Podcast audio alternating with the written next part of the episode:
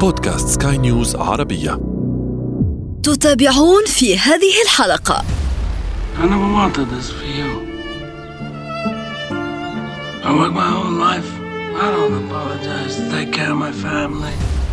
مسألة تحويل العمل الفني من وسيط تعبيري إلى وسيط تعبيري آخر يتطلب تغييرات أساسية وفنية No, we are not relations. For some reason, what I was doing seemed to make sense to people.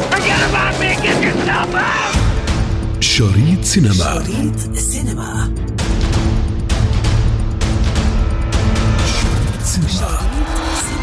أخاطب اليوم منكم عشاق الأدب والروايات والأحداث والمشاعر وكل تلك الأحاسيس المبعثرة والمنطوية على صفحات كتبها. هنالك روايات ترجمت لأفلام سينمائية. إن كنتم مع المبدأ أو لا فسنناقش الموضوع. سنناقش الصراع الأبدي بين الرواية المقروءة والمرئية. أنا ابتسام العكريمي استمعوا إلي عبر بودكاست شريط سينما على سكاي نيوز عربية. طبعا للحديث حول الأفلام.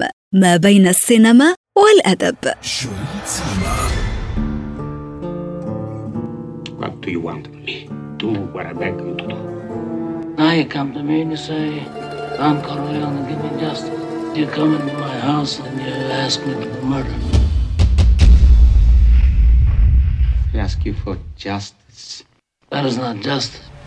مما لا شك فيه أن سلسلة أفلام The Godfather هي أيقونة سينمائية من الطراز الأول. أما رواية فتمت كتابتها عام 1969 على يد ماريو بوزو وصدرت بالأسواق بإجمالي عدد صفحات يصل إلى 500 صفحة كاملة من السطور المكدسة والصغيرة مما يجعلها إحدى الأعمال الروائية شبه الكلاسيكية التي ساهمت في رقي صناعة السينما بشكل عام. Hello, my name's Forrest, Forrest Gump.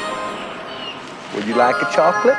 Oh, thank you. وإلى واحد من أفضل أفلام الممثل توم هانكس فورست جامب الذي خلد اسمه في تاريخ صناعة السينما. يبدو هذا الفيلم مميزا لمدى بساطته وفكرته المدببة نحو الهدف ولكونه دخل القلوب من المشاهد الأولى. الفيلم من إخراج ديفيد فينشر. أما روايته الفعلية فقد كانت من كتابة وينستون جروم تم نشرها لأول مرة في عام 1994 وهي رواية من 240 صفحة فقط وهي الأولى ضمن ثلاثية روايات تتمحور حول نفس الشخصية. هذه الأفلام جسدت العلاقة الحقيقية بين الأدب والسينما.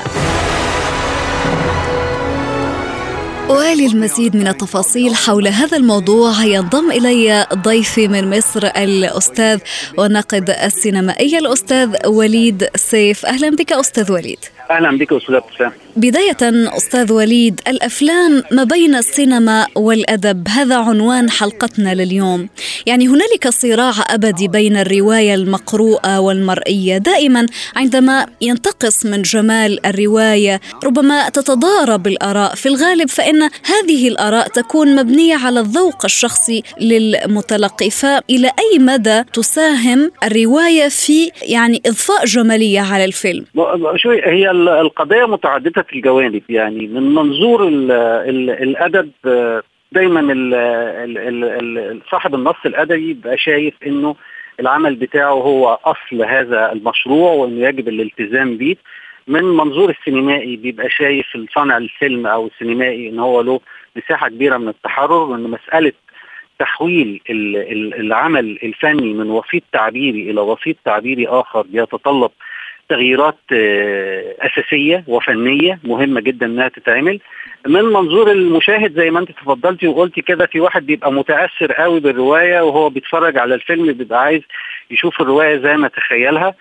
آه، لكن في كل الأحوال آه، ال- ال- الفيلم السينمائي يعني في رأيي الشخصي يعني هو عمل مستقل عن العمل الأدبي. بالتأكيد ممكن يستفيد من فكرة ممكن يستفيد من بنى ممكن يستفيد من خطوط ممكن يستفيد من تيمة ممكن يستفيد من شخصيات. ولكن صناعة الفيلم تتطلب أن يكون هناك لغة سينمائية. يعني إذا كنت أنا بتكلم في الأدب بلغة الأدب بعتمد على الكناية وعلى الرمز وعلى ال... وعلى الأسلوب. فأنا في السينما بعتمد على الإضاءة وعلى المونتاج وعلى تشكيل الصورة وعلى حركة الممثل وعلى تكوين الكادر وعلى إيقاع الفيلم. يعني آه الأدوات بتختلف فبالتالي الأسلوب بيختلف. آه من الطبيعي إنه صانع الفيلم يبقى متحرر إلى حد كبير. استاذنا الكبير نجيب محفوظ الله يرحمه هو كان الحقيقة عنده قناعة تامة جدا بإنه الفيلم له صانع الفيلم له الحرية المطلقة في التعامل مع الرواية وما كانش بيتدخل خالص. وما كانش كمان عمره ما اشترك في كتابة سيناريو عن نص أدبي ليه. مع إن هو كان كاتب سيناريو كبير ومن أهم كتاب السيناريو في مصر.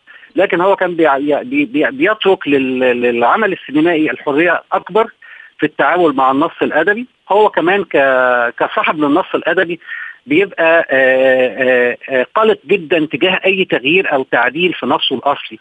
بيبقى عامل زي ما يكون ابنه وبيعمل له جراحة. فقال لك لا أنا مش هتدخل في الجراحة دي خلي حد جراح غيري يشتغل عليها دائما يعني السيناريوهات الموجودة في الرواية لابد أن تتشكل على حسب رؤية المخرج وعلى حسب رؤية السيناريست. داخل الفيلم.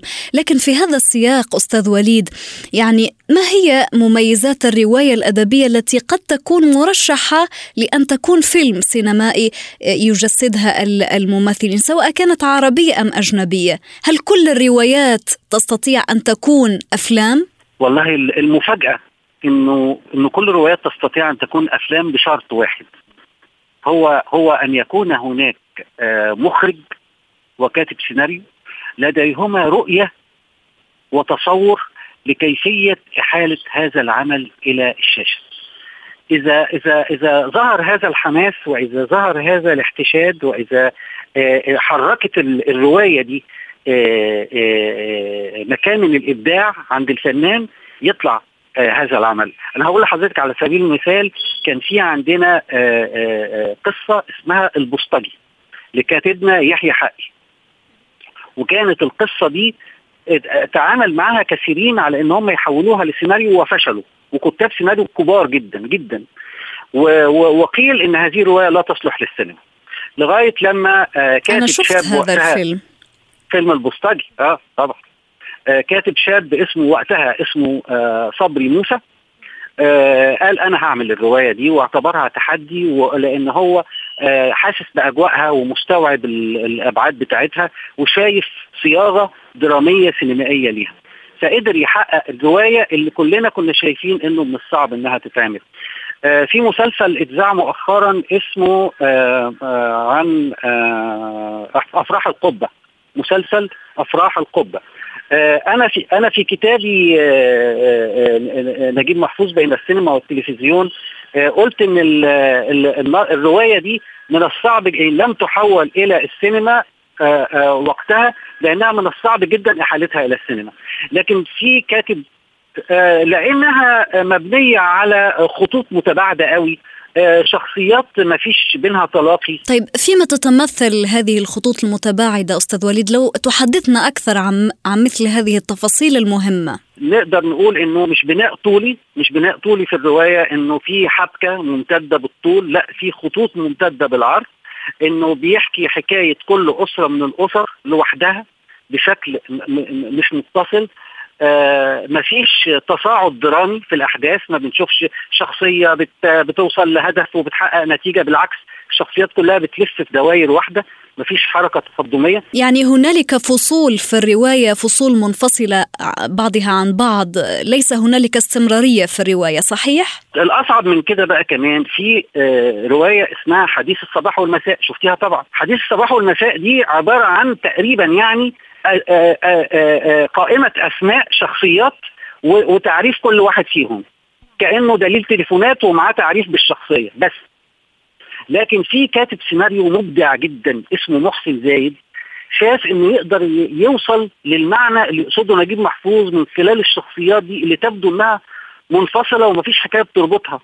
قدر يعمل مسلسل عظيم اسمه حديث الصباح والمساء لغاية دلوقتي بنعتبره روائع التلفزيون المصري فهي زي ما بقول لحضرتك كده القاعدة هي أن أن يوجد الفنان الذي يشعر بنبض هذه الرواية وأن تحرك لديه قدراته وتستفزه ابداعيا فيلاقي مع معادلات موضوعية للتعبير عنها. أيضا أستاذ وليد هنالك أيقونة عرفها الجميع The Godfather مما لا شك فيه أن هذه السلسلة السينمائية كانت من الطراز الأول حسب رؤية النقاد لكنهم ظلوا يتناقشون في مدى عظمة وجلالة الأساليب الإخراجية والفنية التي قد استخدمها المخرجون في إنتاج هذه السلسلة. حتى الآن لا يزال هنالك نقاش في كل مرة وفي كل مرة يصلون إلى نفس النتيجة. أن هذه السلسلة لا يمكن الاستهانة بها. طبعا هذه الأساليب الإخراجية التي تم استخدامها يعني تم تدريسها أيضا في معاهد السينما والأماكن المتخصصة. ما السر في مثل هذه الأساليب؟ لماذا لا نجد بعض السلاسل السينمائية يعني تعاد بنفس الطريقة وبنفس الحبكة؟ نجاح العمل الفني اللي هو النجاح الخارق للعادة الحاجات اللي إحنا بنسميها masterpieces يعني تحف. هي متصلة بعوامل كتيرة. يعني أول عامل هو إنه في حالة من التلاقي من التلاقي بين المبدع حالة من التلاقي بين المبدع وبين الجمهور في الوقت ده.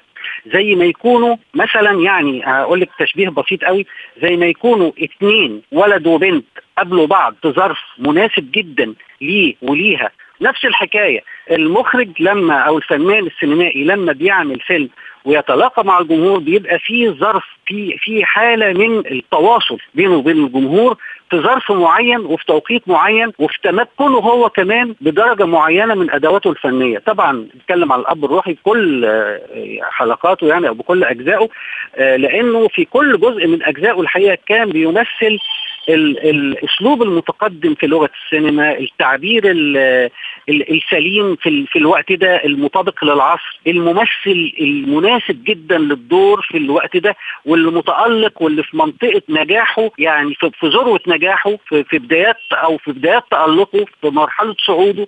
كل العوامل دي الحقيقة بتؤدي لهذا النجاح. في مقابل ده مثلا هقول لك عن حاجة زي آه البؤساء رواية البؤساء لفيكتور هوجو. البؤساء دي اتعملت مثلا ما ما ما بلا عدد يعني ما نقدرش نقول كام مرة اتعمل البؤساء في أمريكا ولا في فرنسا ولا في مصر ولا في روسيا ولا في الصين ولا اتعمل كتير جدا جدا. ولكن هذه الرواية العظيمة المحفزة لأي مبدع بفكرها الراقي جدا وبربطها بين الخاص والعام وبين فكرة إن الثورة دي نعبر عنها من خلال شخص فقير جدا جدا بيقضي عقوبة بسبب إنه سرق لقمة عيش. إزاي إنه قدر يعبر عن العام الثورة كلها من خلال الشخصية دي قدر يعبر عن مضمون وقلب الثورة مش في فرنسا بس في الدنيا كلها. هي الثورة بتقوم ليه؟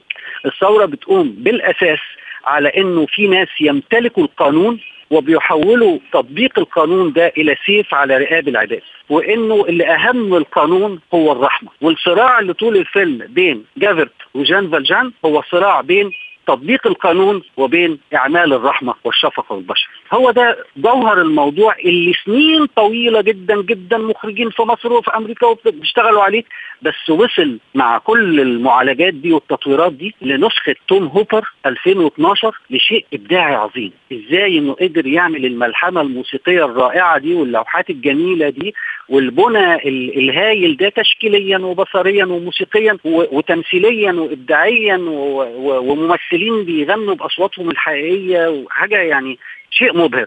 فطبعا علاقه البؤساء تحديدا بقى بالسينما يعني من العلاقات الجميلة جدا اللي بين السينما والأدب. زي إن فيها استمرارية وفيها التطوير ده وفيها المحبة. وأقول لك الفيلم السينمائي بتاع توم هوبر ده مستفيد من مسرحية يعني مستفيد من معالجة مسرحية. طيب أستاذ وليد يعني نتابع الآن في حديثنا عن علاقة السينما والأدب.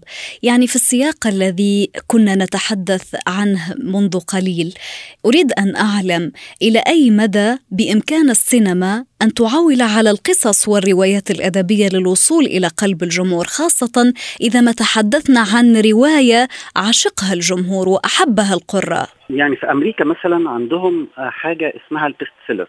قائمة أفضل الروايات أو أكثر الروايات مبيعا دي بناء عليها شركات الإنتاج والتوزيع في هوليوود بتبتدي تحط عينها على الروايات دي وتختار منها عدد علشان ينضم لخطه إنتاجها للأعوام القادمة. إحنا عندنا في مصر كان عندنا تجربة عظيمة جدا في الستينات اسمها القطاع العام، يعني إيه القطاع العام؟ يعني إن الدولة هي اللي بقت تنتج السينما تنتج الأفلام. على أي أساس؟ على أساس إنه الدولة بتمتلك عارفة بقى مع الاشتراكية والقطاع العام وأصبحت الدولة بتمتلك دور العرض وبتمتلك الاستوديوهات وبتمتلك كل حاجة. فقال طب ما بالمرة ما أنا بمتلك كل حاجة؟ طب ما أنا اللي أنتج بقى بالمرة. آه طبعا تجربة ليها سلبياتها بس من إيجابياتها إنه بدأ يبقى فيه لجان قراءة تقرأ النصوص الأدبية الموجودة وبتقترح أفضل الروايات اللي ممكن إنها تتعمل للسينما. بناء على الاختيارات دي أو بناء على الترشيحات دي للروايات بتبتدي تتشكل كمان لجنة لجنة ثانية اللي هي لجان المعالجة الدرامية. يبتدوا يسندوا الرواية دي الرواية دي رواية رومانسية. مين يعرف يشتغل يعمل سيناريو له طابع في ال romantic آه. آه فما مثلا إيه عايز يدين أو الأكشن أو الرعب. الله عليكي بالظبط. فكل واحد متخصص في لون يعني مثلا عندنا السيد بدير الله يرحمه كان أحسن حد يكتب في الاجتماعيات الشعبية ويكتب لغة الحوار بتاعت الناس الشعبيين. وكان عبد الحي أديب أحسن حد يكتب الأكشن وأحسن حد يعرف المواقف اللي فيها بيسموها ال master scenes يعني المواقف الدرامية الثقيله أو القوية. كان مصطفى محرم يعني غزير الثقافة والموهبة في قراءة الأدب العالمي وعنده فهم عميق. فكان الحقيقة في مجموعة كبيرة جدا من الكتاب اللي بيقولوا طب ده يشتغل عليه طب ده يعمل treatment وبعد ما ده يعمل treatment طب ما ده يقراه ويشتغل عليه. هو مشكلتنا عموما مش في مصر بس الحقيقة وفي الوطن العربي وكل ما بروح بلد يعني بروح أقدم محاضرات في المغرب أو في تونس أو هنا أو هنا أو المشكلة هي السيناريو. كل الناس بتتكلم في السيناريو. كل الناس بيقولوا إن المشكلة في السيناريو. لأنه ببساطة شديدة السيناريو ما هواش اختراع وما هواش حاجة بتنزل من السماء كده. السيناريو ده صناعة صناعة كبيرة. زي ما أقول لحضرتك بيبدأ باختيار النص إذا كان هستند على نص أدبي فاختار نص أدبي سليم إزاي هقدر أعالج النص ده أعمل له معالجة؟ إزاي المعالجة دي هقدر أحولها لسيناريو؟ إزاي السيناريو ده أقدر أشتغل على كل التفاصيل اللي فيه الشخصيات أطورها إزاي المواقف أنميها إزاي؟ وبعد كده بشتغل على الحوار إزاي الحوار ده ممكن يتكتب بحيث انه يبقى حوار معبر وبليغ وهكذا. وبعد كده نبتدي نشوف مين المخرج الأنسب لتحقيق هذا العمل. وبعد كده زي ما انت قلتي بقى نبتدي نفكر في الكاست الممثلين اللي هيشتغلوا ده مهم جدا طبعا يعني شيء أساسي جدا. آه أنا كنت في حوار قريب على الفيسبوك مع حد كان بيقول إن الممثل يعمل كل الأدوار. آه طيب ما الممثل يعمل كل الأدوار. لكن هنالك ممثلين متخصصين بأدوار معينة يعني يتميزون بتلك الأدوار عن غيرهم. هو المسألة إنه زي ما أنت بتقولي كده إن في حاجة اسمها انكاست يعني انكاست يعني الممثل ده بالظبط في الدور. الدور ده بتاعه لايق عليه. ممكن يكون ما عملوش قبل كده بس في مخرج شايفه إن هو يقدر يعمله بتكوينه الجسماني والصوتي والحركي وقدراته الأدائية يليق في الدور ده. فهي المسألة فيها إنه قدرات ممثل وفيها كمان إنه آه زي ما أنت بتقولي كده إنه يكون مناسب للدور إنه يكون مناسب للدور يكون آه متخصص ماشي ممكن أنا معاك إنه ممكن يكون متخصص في أدوار معينة ومش عيب على فكرة مش عيب ان ممثل يعني يقضي عمره كله يعمل مثلا شرير لأنه في 50 مليون مليون شرير كل شرير له شكله وله لون وله طعم.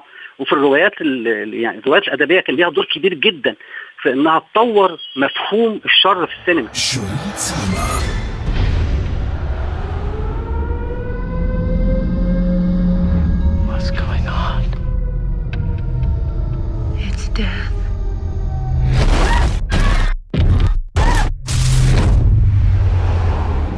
وإلى واحدة من أروع الملاحم الكابوسية بامتياز The Mist رواية رعب من تأليف ستيفن كينج صدرت في الثمانينات.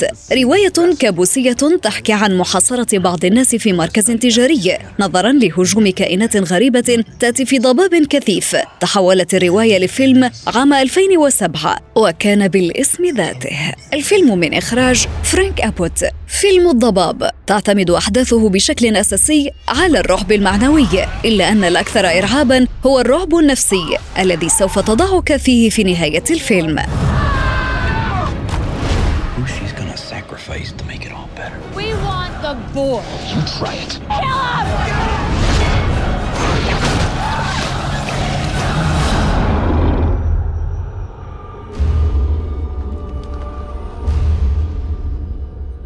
انتظرونا أفلام جديدة في شريط سينما.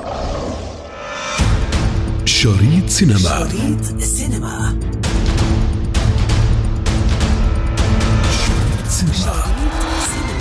في ختام حلقتنا من شريط سينما ضمن منصة بودكاست سكاي نيوز عربية. نذكركم بمتابعتنا والاستماع لنا عبر تحميل منصاتنا المختلفة من البودكاست التي تجدونها على Apple Store و Google Play كنت معكم في التقديم أنا ابتسام العكريمي ومن إخراج نويل بولوس.